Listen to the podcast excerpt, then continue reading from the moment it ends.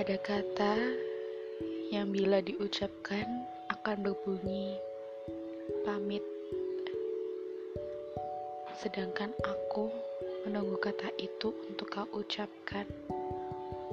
Namun, sejauh ini kamu tidak berucap apa pun.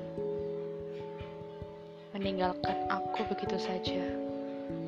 Lalu, yang kemarin-kemarin itu maksudnya? Atau memang tanpa makna? Atau hanya pelarian?